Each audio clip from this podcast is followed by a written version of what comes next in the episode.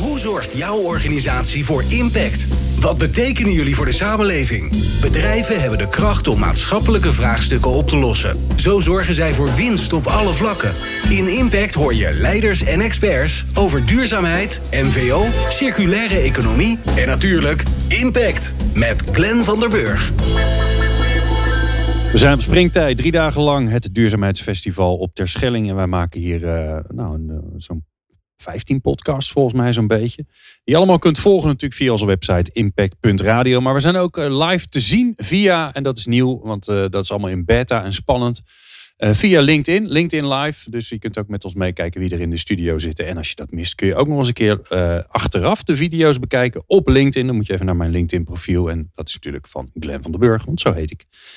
Ja, plannen voor de energietransitie die worden allemaal gemaakt op basis van de huidige technologieën. Want wat we niet weten, ja, dat weten we nog niet.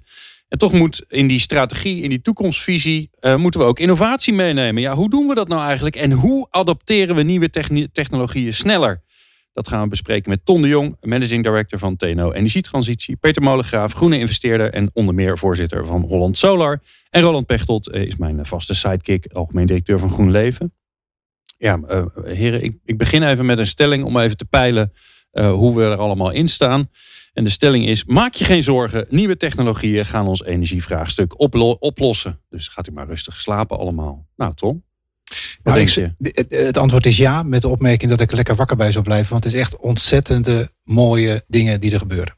Oké, dus, dus te, als jij vooruit kijkt en je ziet met al die collega's van jou die heel veel verstand hebben van dingen die wij niet snappen, zie jij dat er dingen ontwikkelen die al die vraagstukken gaan oplossen? Nou, wat ik zie is dat, uh, en het, het, verleden heeft het ook bewezen, dat technologie een enorme driver is voor innovatie.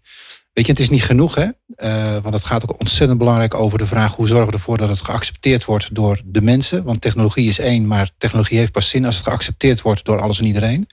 En het tweede aspect dat heel belangrijk is, waar ik zeer in geloof, is dat technologische innovatie altijd samengaat met economische verbetering. Dus uh, je voelt het gewoon in je portemonnee uiteindelijk. Oké. Uh, Peter, hoe kijk jij daar tegenaan? Gaat, gaat technologie alles oplossen? Nou, ik ben, uh, ik ben heel optimistisch over uh, ja, wat, wat voor technologie ik allemaal zie en, en hoor en wat er in ontwikkeling is. Waar ik, ja, waar ik wel, wel wat pessimistischer van word, ja, is dat het tussen wat je dan ziet in een laboratorium of bij, bij, bij Ton, bij TNO. En voordat dat helemaal zeg maar gewoon goed is geworden, ja, dat kan soms zo 15 tot 20 jaar duren, zeker in de energie. Ja, en zoveel tijd hebben we niet uh, deze keer. Dus, okay. uh, dus die adaptatie is het vraagstuk. Ik denk dat de versnelling van de ontwikkeling en versnelling van de adaptatie, dat is echt het vraagstuk. Ja. ja. Roland, lost het alles op? Ja, maar de, uh, we, we gaan de techniek in. Tijd allemaal. Ja, ik dacht, maar, nou, iedereen gaat nee zeggen. Wat ik ook hier als ondertoon hoor bij Peter is de richtingscoëfficiënt. Hè? Dus inderdaad, voordat het nou echt gemeengoed is dat het een uh, op, op massa, op schaal problemen oplost, duurt dat echt wel even. Dat laat de historie ons zien. Uh, dus, dus, ik, dus rust gaan slapen. Nee, we moeten wel een oog open houden. Ah, het is heel mooi wat we zien. Maar, maar het andere ook misschien ook dat we alert blijven. Dat we, hebben een enorm probleem op te lossen. Uh, dus, dus dat zie ik niet alleen in techniek, maar ook in vergunningen. Dus beleid. Dat, dat je daar de tijdsfactor wel echt serieus moet nemen. Um, en naast wat Ton zei over economisch zie ik het ook dat het altijd helpt. Maar ik, de techniek heeft ons niet alleen maar economie gebracht, maar ook wel zijn. Hè? Niet alleen welvaart. Dus ik hoop ook dat het, dat het de, de planeet een betere plek maakt en niet alleen maar een rijkere plek. Ja, Ton? Nou, ik wil even reageren op het punt van de opschaling en moeilijk en dat het uh, belangrijk is. Dat is uitermate belangrijk. En je ziet ook in innovatie, ook in de recente historie, dat het daar blijft hangen of succesvol is. En uh, wat we daar met z'n allen van leren is dat het natuurlijk ontzettend belangrijk is al vanaf het begin om dus uh, technologische innovatie te doen samen met gebruikers, met bedrijven, met organisaties, met overheidsorganisaties. He, dus ik geloof niet zozeer in standalone uh, innovatie in een, achter, in een achtertuin. Daar komen soms hele bijzondere dingen uit. Maar voor de grote opschaling betekent het altijd betrokkenheid van bedrijfsleven, van overheden, et cetera. En juist die samenwerking is daar een enorm essentieel punt in voor het succes. We gaan niet heel diep de, de techniek in. Daar, is uh, deze podcast niet voor bedoeld. Maar waar ik wel benieuwd naar ben, is wat jullie al zien. Waarvan je denkt, nou dat komt eraan. En dat moeten we eigenlijk gaan versnellen. Peter, wat zie jij al gebeuren in die start-ups waar je ook bij helpt? Waarvan je denkt, hey, wauw zeg, hier, hier ligt heel veel potentie. Nou ja, laten we maar beginnen bij, eh, bij, bij ja, wat we vandaag al zien aan, uh, aan, aan zonnepanelen. En ja, dan hangt er een beetje vanaf hè, wat, je, wat, je, wat je nu op het dak legt. Hoor. Maar laten we zeggen dat dat 320 watt piek is. Of, en we komen van de, nou, ik geloof dat de mijnen nog 190 watt piek zijn. En dat is nog maar een paar jaar geleden. Dus het gaat enorm. Maar als je dan zelfs al kijkt welke producten er al aangekondigd zijn, dan zie ik al producten, die zijn misschien nog wel wat duurder, maar dan zie ik al 400, 520, 540. Uh, nou, dat, dat, dat is allemaal nog duurder, maar dat, zie je, dat, dat is gewoon al een factor anderhalf die, er, die, er, ja, die ik gewoon echt al kan zien. En dat gaat echt geen tien jaar meer duren. Hè? Die, die, producten zijn er al, zijn nog wat duurder, maar met de snelheid waarin de, deze, deze, ook deze sector zich ontwikkelt, ja, kan je zomaar indenken dat dat over twee, drie, vier jaar, dat dat, dat, dat gemeengoed is. En als je dat dan met mijn, uh, hè, mijn eigen panelen van 190 pieken, dan zitten we op een factor uh, 2,5 uh, meer. Ja. En dan, dan, dan, nou ja, aan één kant van het dak passen er maar zeven. Maar de, je krijgt dan 2,5 keer de, de opbrengst. Nou, en wat je, wat je vaak ziet, en daar maak ik me wel zorgen over. Aan de ene kant word ik er optimistisch van. Hè, dus we rekenen dan wel eens uit van ja, hoeveel plek hebben we dan in Nederland voor zonnepanelen en hoeveel gaat het dan bijdragen? En dan, dan kijken we altijd naar de daken van vandaag en de, de opbrengst van de panelen van vandaag. Nou ja, dus als je dan uh, straks anderhalf uh, keer zoveel gaat doen met de panelen van, van ten opzichte van vandaag, ja, dan heb je alweer uh, dan heb je ook een derde minder, heb je ook een, minder nodig. Een derde minder dak ja. nodig. dus ja, ik denk dat daar, dat daar realistisch ja, zijn er gewoon nog uh, enorm veel uh, mogelijkheden van dingen die we eigenlijk nog niet zo goed zien. En in de meeste studies, ja, als, als mensen dan dat soort leercurves of verbetercurves indoen, dan wordt dat heel snel afgedaan als uh, techno-optimisme en soort dingen. Ja, terwijl in de zonnesector, als je 10, 15 jaar terugkijkt, zie je dat we keer op keer die verbeteringen echt realiseren. Ja. Ja. Tom, wat zie jij, wat zie jij de, de, innovatie waarvan jij zegt dat komt eraan en dat, dat gaat ons zo helpen? Mhm. Nou, misschien is het aardig om met het kader uh, aan te geven een bericht dat vandaag uh, de wereld ingegaan is. Het kan bijna geen toeval zijn. Uh, bericht van EZK en van ons dat wij voor meer dan 18 miljoen euro gaan investeren in nieuwe faciliteiten.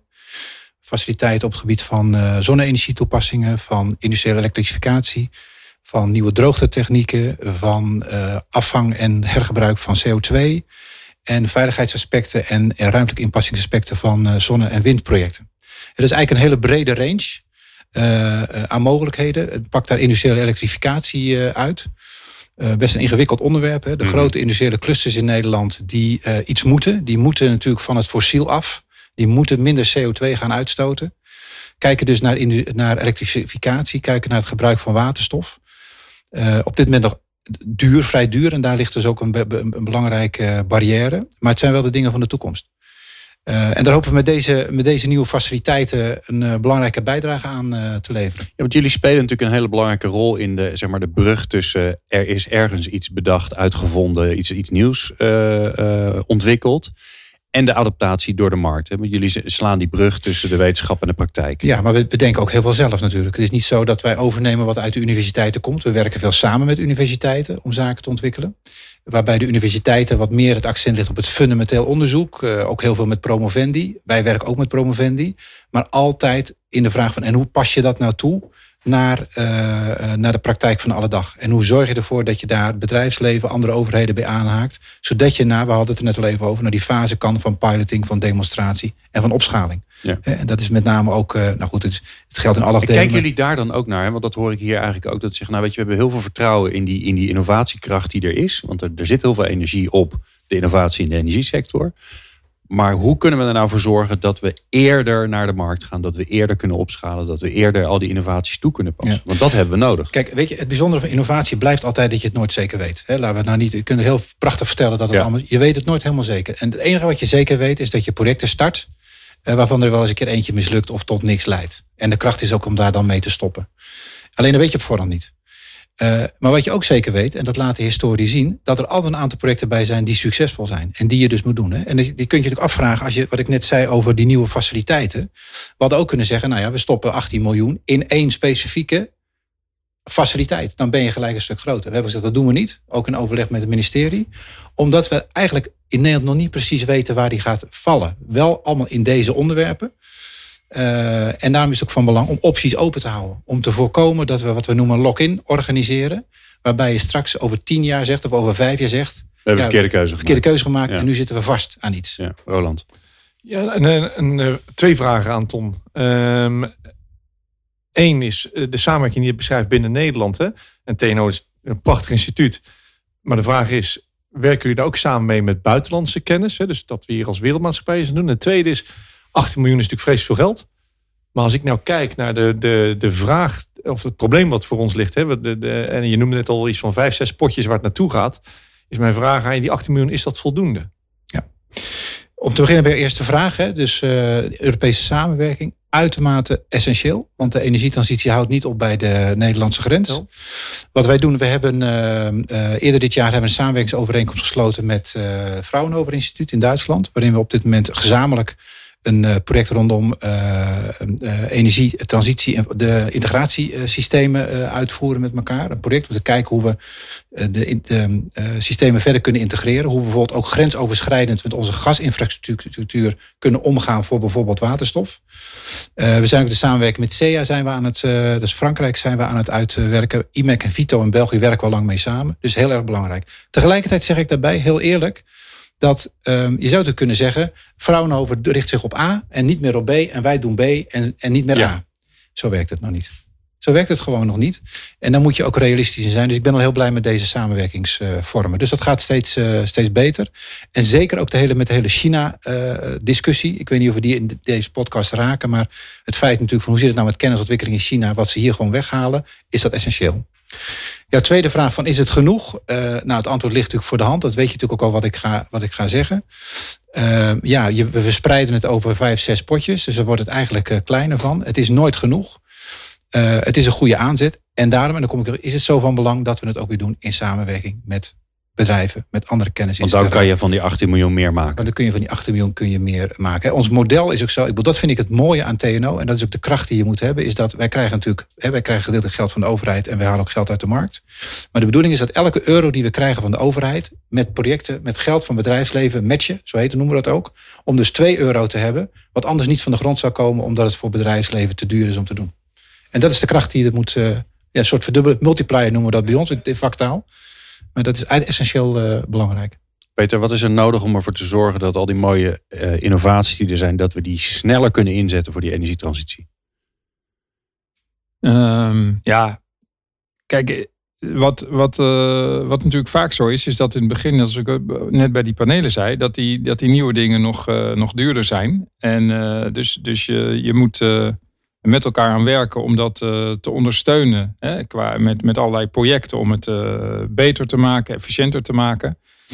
Ja, en ik denk dat in het grotere plaatje van die energietransitie moeten we vooral kijken dat, ja, dat, dat als we van fossiel af willen, dan moet dat ook een prijs krijgen die, die echt wat kost. En dan, dan kunnen die nieuwe technologieën veel eerder concurreren. Dus je moet eigenlijk ja, toch een echte CO2-prijs gaan, gaan maken voor, die, die, er, die ertoe doet voor, voor, uh, want op deze manier concurreren die mooie nieuwe schone technologieën eigenlijk op een oneerlijk. Ze worden oneerlijk beconcurreerd met hoe het allemaal nu geregeld is. Doordat die uh, de vervuiler betaalt. Wat gisteren Stintje van Veldhoven die zei, nou, dat staat in het nieuwe uh, milieu. Nationaal milieubeleidskader. God, ik krijg het bijna niet uit mijn mond. Nee, we gingen nog een betere ja, term zoeken. Ja, daarom. Daar moeten we even een marketeer naar gaan kijken. Maar daar staat in de vervuiler betaalt. Hartstikke goed. Als we dat als, dat, is dat een van de economische um, middelen om ervoor te zorgen dat het dan sneller gaat? Ja, dus wij zeggen altijd je moet of normeren of beprijzen. En met normeren spreken we dan af. Je moet zoveel duurzaam gebruiken. Dan weet je zeker dat het niks uitstoot. En dan, dan maakt het ook niet zoveel uit wat het kost. Hè? Want dan zeg je gewoon het, het moet minimaal zoveel. Ja. En het andere is eh, beprijzen. Dat je er een, een, een prijs aan die CO2 hangt.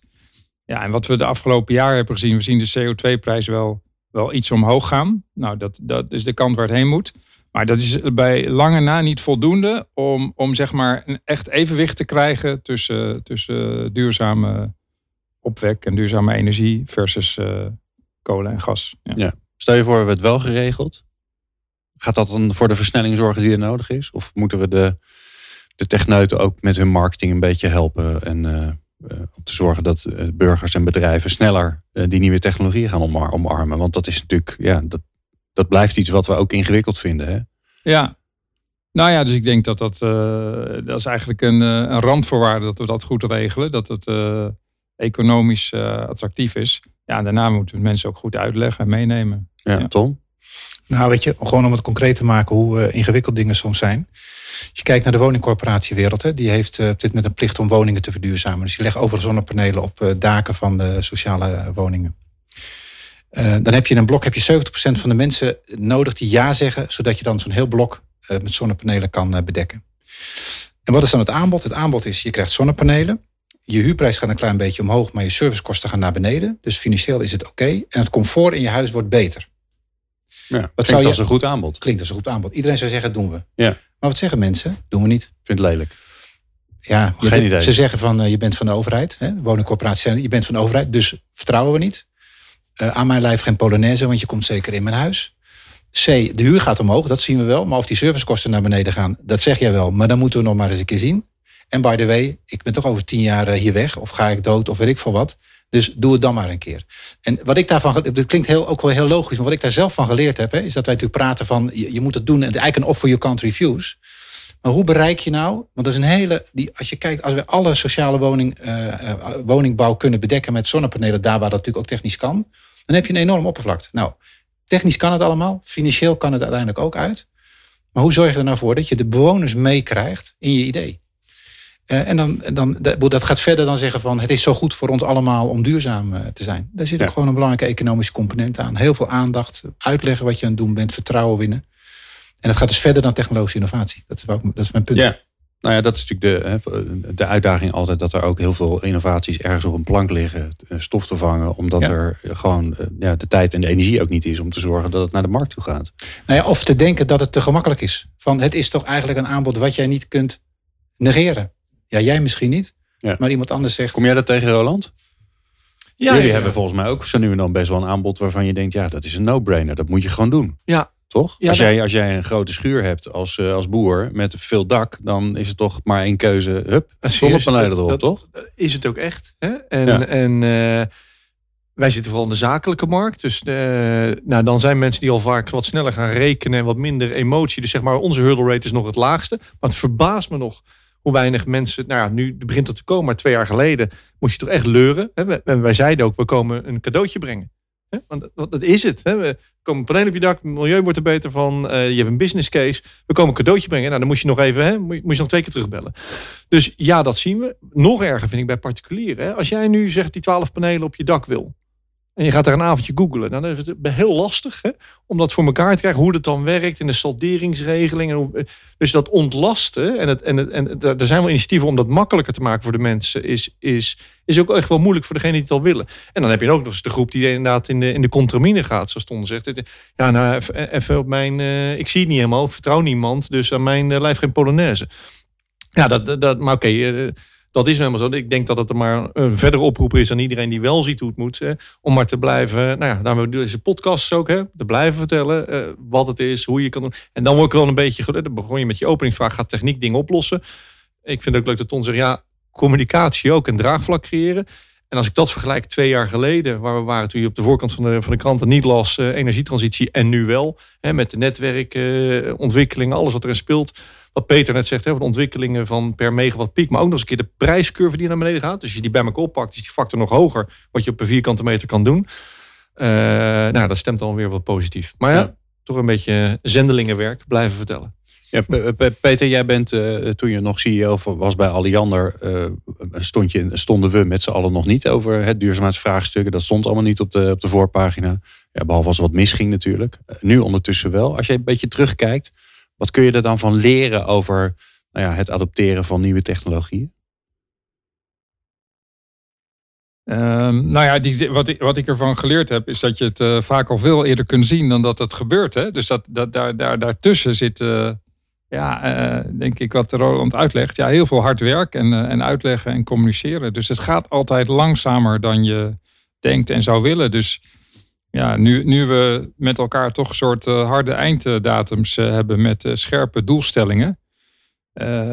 ja, daar, krijg ik al een enorm urgentiegevoel van. Om, om, om maar weer aan de slag te gaan en het verhaal weer te vertellen.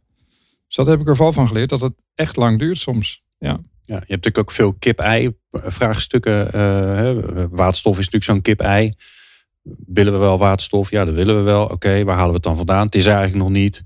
Oké, als we dan zorgen dat er is, is het nog te duur. hè. Dus dat zijn van die cirkelredeneringen waar je nooit uitkomt. Ik kan me nog eh, herinneren dat jij ooit vertelde dat je eh, twee brieven van het ministerie eh, van Economische Zaken boven je bureau had hangen. En de ene zeide, fantastisch dat je hebt geholpen bij het, bij het zorgen dat we een, een laadinfrastructuur hebben in Nederland. En op de andere brief stond iets anders volgens mij. Hè? Ja, dat we, dat we eigenlijk als netwerkbedrijf dat soort dingen niet moesten doen. Ja. Ja. Ja. Ja. Maar fijn dat je het wel gedaan hebt. ja. Ja dat was. eh, nee, maar dat was eh, natuurlijk ook zo'n kip-ei-probleem. Ja. Ja, ik ga een elektrische auto kopen, want ik kan nergens opladen. Nou, dat kan ondertussen wel. Dus wat, Hm. wat is er nodig om dat soort doorbraken te forceren? Eh, laat- Laten we misschien maar even waterstof eh, als, als vraagstuk nemen. Want voor mij is de discussie niet meer dat we daar iets mee moeten gaan doen. Die Nee. hoor ik in ieder geval niet meer. Nee, de nou, vraag is wat en ja, waar. Nou ja, en hoe kom je uit dat kip-ei-probleem? Dat is natuurlijk het, het punt. Kijk, eh, ik geloof heel sterk in de kracht van, eh, van het bedrijfsleven. Maar hier is echt de overheid ook nodig. We zitten in een eh, onrendabele top. Of eh, ernstig gezegd de Death Valley. Had een beetje een ernstige term. Maar daar moeten we met elkaar doorheen om waterstof goedkoper te maken. En daarvoor hebben wij investeringen nodig, subsidieregelingen vanuit de overheid. En ik, ik vind dat je altijd gelijk met je hand op moet staan. Maar in dit geval is dat van belang, omdat het zich ook gaat terugverdienen. Dus het gaat gewoon economisch rendement opleveren. Ehm, maar ja, als je, En kennis niet- in Nederland? ja, en kennis, Toch? en kennis Ja. wat leidt tot economisch rendement en welzijn heb ik. Dat is uit- uiteraard wat je, wat je zegt, want dat is daar waar het om, eh, om gaat. En als wij als samenleving willen blijven groeien, dan zal dat moeten komen uit arbeidsproductiviteit eh, groei. En dus kennis en dus innovatie. Ehm, en daar hebben, we daar hebben we de overheid voor nodig, financieel. Om dat Ja. gat eh, te overbruggen. Nou, goed, Want hier- anders gaat het ook er ook wel komen, maar dan gaat het niet snel. ik weet niet of het er gaat komen. Nou, zelfs althans, dat. althans, of het in landen om ons heen gaan gewoon door. Hè? Dus dan kun je het inkopen, maar dan word je afhankelijk. Ja. En eh, nou, in die zin heeft het ook een spannende tijd, omdat eh, er zijn natuurlijk discussies nu rond het groeifonds. Hè? Het Wopke Wiepesfonds is eh, gelanceerd. Die komt al zo vaak langs. Ja, Ja. En, ehm, en daar is natuurlijk een van de, van de vragen van, eh, kan daar een, een waterstofproject uitkomen waarin het bedrijfsleven samen met kennisinstellingen, ook de human capital aspecten, want vergeet niet, vergeet niet ook de connectie met universiteit, hogescholen om mensen op te leiden. Want we moeten ook mensen opleiden om in deze nieuwe economie en Ja. deze nieuwe technologie. Omscholen Ook, van eh, iedereen die verstand heeft van gas. Nu. Precies, Ja. precies. Hè? Dus het is een combinatie van kennisinstellingen, van onderwijsinstellingen, van bedrijfsleven en overheid. En eh, waterstof is daar wat mij betreft eh, een enorme topprioriteit in. Ja. Peter? Ja, we, we staan natuurlijk ook voor een enorme omslag qua, gewoon qua infrastructuur. En eh, ja, dat, dat is iets wat marktpartijen over het algemeen niet doen. Omdat, omdat in het begin eh, zet je iets neer en zijn er geen, geen klanten, zeg maar. Dus dat, ja, dat, dat hoort qua risico en rendement gewoon helemaal ja, bij, bij de, bij, eh, aan de voorkant. En dat is dat je dat als gemeenschap doet. Als je denkt dat dat is de koers waar we heen moeten, dan moet je dat als gemeenschap doen. Misschien wel leuk om te kijken als je naar Nederland kijkt en als je de, de studies van het eh, autoweg eh, wegennet eh, uit, uit de jaren 60 en 70 eh, neemt, dan is er een enorme match met waar die wegen vandaag liggen. Hè? Er liggen bijna geen wegen die er toen al bij wijze van spreken niet op stonden. Ja, we zijn wel eens eh, misschien uh, om Bad nu heen gegaan, terwijl we vroeger gepland hadden om, hè, om er doorheen te gaan. Uh, maar, maar eigenlijk die, die, die, die grote kaart, die, die, die lijkt gewoon heel erg op. En ik denk dat we daar twee dingen van, van kunnen leren. Eén is dat je, ja, regeren is vooruitzien. Dus als we straks denken dat, dat het elektriciteitssysteem twee of drie keer zo groot wordt, ja, dan, dan, dan zullen er gewoon meer hoogspanningsverbindingen tussen Noord en Zuid en Oost en West moeten komen. En daar kunnen we vast plekken voor gaan zoeken, want, want anders komt het niet. Ja. Um, en het andere wat je er eigenlijk van kunt leren is dat ik denk dat als je dat niet gaat doen, dat het er ook echt niet komt. Want dat, het later nog er, erin krijgen is ook heel moeilijk. Je moet er lang, lang uh, van tevoren rekening uh, mee houden. En, en, we leven in een heel vol land. Dus als je dat niet doet, dan is het later inpassen. En daar lopen we nu hier en daar tegenaan. Ja, dat kost dan vijf tot tien jaar voordat we weer ergens plek voor een onderstation hebben gevonden. En niet het ermee eens is. Ja, en die tijd ja, hebben we en niet. die tijd hebben we niet. Nee. Dus, dus ja, de, dat aan de markt overlaten en dan de, de netbeheerders daar achteraan laten lopen. Ja, daar gaan, met die, daarmee gaan we de energietransitie niet, eh, niet halen op tijd. Ik ga naar de laatste vraag voor jullie. Maar ik zie Roland eh indringend Ja. naar me kijken. Ja, dat is helemaal, Roland, helemaal geen last Jij wil graag nog even wat, eh, wat volgens mij eh, wat aan toevoegen voordat we naar de laatste vraag gaan. Nee, ik wil, ik wil dat. eh, ik wil. Ik ben positief. Hè? Dus we, we hebben techniek en we zeiden met z'n drie aan de start. En nou, techniek gaat voor ons veel oplossen. En ik zou het wel leuk vinden voor degenen die luisteren. Om, om, om eh, te horen, zeker ook met Ton hier aan de tafel. Hè, nou, schets, is waar het naartoe gaat. En een vraag die ik wel eens stel. Hè, is wanneer gaan we de gasunie nu de waterstofunie noemen? Hè? Wanneer, komt dat moment dat we dat hebben bereikt? Eh, maar aan jou, Tom, dus wat ligt er op die designtafel waar jij die 18 miljoen ook aan gaat besteden en, en, en, de huidige eh, instituut? Wat ligt er op de designtafel? Kan je ons even een beetje een doorkijkje geven over de toekomst als we hier op springtij over vijf jaar staan, tien jaar? Hoe hebben we dan met techniek deze problemen opgelost? Hoeveel tijd hebben we nog? Glenn? ik Want wou- ik wil het, is een hele, zeggen, het is een hele grote vraag. Want weet is ik. Weet je, je kunt, je kunt natuurlijk eigenlijk elke eh, eh, basis kun je pakken. Hè? Dus je kunt bij zon beginnen. Kunnen, dus je kunnen bij zon beginnen. Wij hebben straks allemaal geïntegreerde eh, zonnepanelen. De, de zonnepanelen op het dak, die, zullen, die zie je niet meer. Het wordt geïntegreerd in alles. Het komt overal te liggen. Dat ligt nu op de tekentafels, hè? Ja, dat, dat ligt op teken, maar het wordt al toegepast. En het, en het wordt goed. Kijk naar wind. Ehm, eh, Ja, ik- dus Tom, om het Ja, even ik- kan te niet- maken, dus ik het kan zit in de even- ramen, het zit in de muren, het Het zit zit in de overal. ramen, het zit in de muren, het zit overal. Het, het, nou ja, misschien in jou, dat zou ook nog kunnen. Het ligt op de wegen, het ligt in de vangrails, et cetera. Ehm, eh, ga naar de Maasvlakte. Daar staat de Haliade X. Hè. Die heeft een, eh, een, de, de bovenste hoogte is 260 meter. Rotorbladen van 220 meter. Dat Ja. is huge. Een hele dat. grote wind. En ze worden alweer groter. Hè, die gaan al, we hebben het nog niet eens over de Noordzee gehad, maar dat kun je een heel verhaal. Dus dat over een tijdje vinden we dat ook heel normaal als heel erg eh, groot. Waterstof gaat nog wel even duren, denk ik. Maar gaat er ook over een paar jaar vinden we dat ook normale voor bepaalde toepassingen. Zware industrie, eh, eh, mogelijk zware transport. Eh, of het nou echt in de huizen komt, dat moeten we nog maar eventjes zien wanneer dat precies gaat, eh, gaat gebeuren. Ehm, eh, elektrificatie van de industrie. Nou, daar hebben we natuurlijk nu een nieuw laboratorium, ook faciliteit eh, gaan we daarvoor voor bouwen. Dat gaat ook zijn beslag eh, vinden. Nou, hoe ver moet ik nog gaan? Ik weet niet hoeveel tijd, Nee, maar, zo, nou, maar, ik- zo kun je, maar zo kun je nog heel veel een, stukken eh, ik heb een shortcut. Ik, maak, maak nog wel meer eh podcasts. Bijvoorbeeld ook de podcast van TNO. Die hebben een hele leuke podcast, TNO Insights. En daar heb ik een leuk interview gedaan met Ton en, en zijn collega André. de wetenschappelijke verantwoordelijke voor TNO Energietransitie. En daar schetsen ze dat toekomstbeeld. En we hebben ook nog een leuke podcast gemaakt over de scenario-studies die TNO heeft gedaan. Ehm, eh, dus eh, ga daar vooral naar zoeken. TNO Insights, even, even googlen en dan eh, kom je bij, eh, bij alle afleveringen. Ik zou het zeker doen. Mooi, maar ik vond al dat je een heel mooi, eh, mooi snel beeld schetste. Ik ga naar de laatste vraag. Het is 2021. We zijn weer op springtij. Jullie zijn weer welkom. Eh, ik nou, nodig jullie gewoon. Ik heb er totaal niks over te zeggen, maar ik heb bepaald dat jullie weer welkom zijn. En we staan hier met elkaar en we kijken terug naar het komende jaar. Ehm, wat, welk spraakmakend, welk spraakmakends hebben jullie voor elkaar gekregen? En dan haal het naar jezelf toe. Iets wat je zelf voor elkaar hebt gekregen. Natuurlijk helpen er altijd alle mensen bij. Peter. Nou, ik hoop ergens. Ik, ik, eh, ik zie ook enorm veel eh, ontwikkelingen, zeg maar, rondom eh, energieopslag en batterijen en dat soort dingen. En ik zie ook enorm veel ja, projecten in de, in, de, in de zonnesector. Die eigenlijk tegen de grenzen van wat we nu aan elektriciteitsnet eh, hebben oplopen.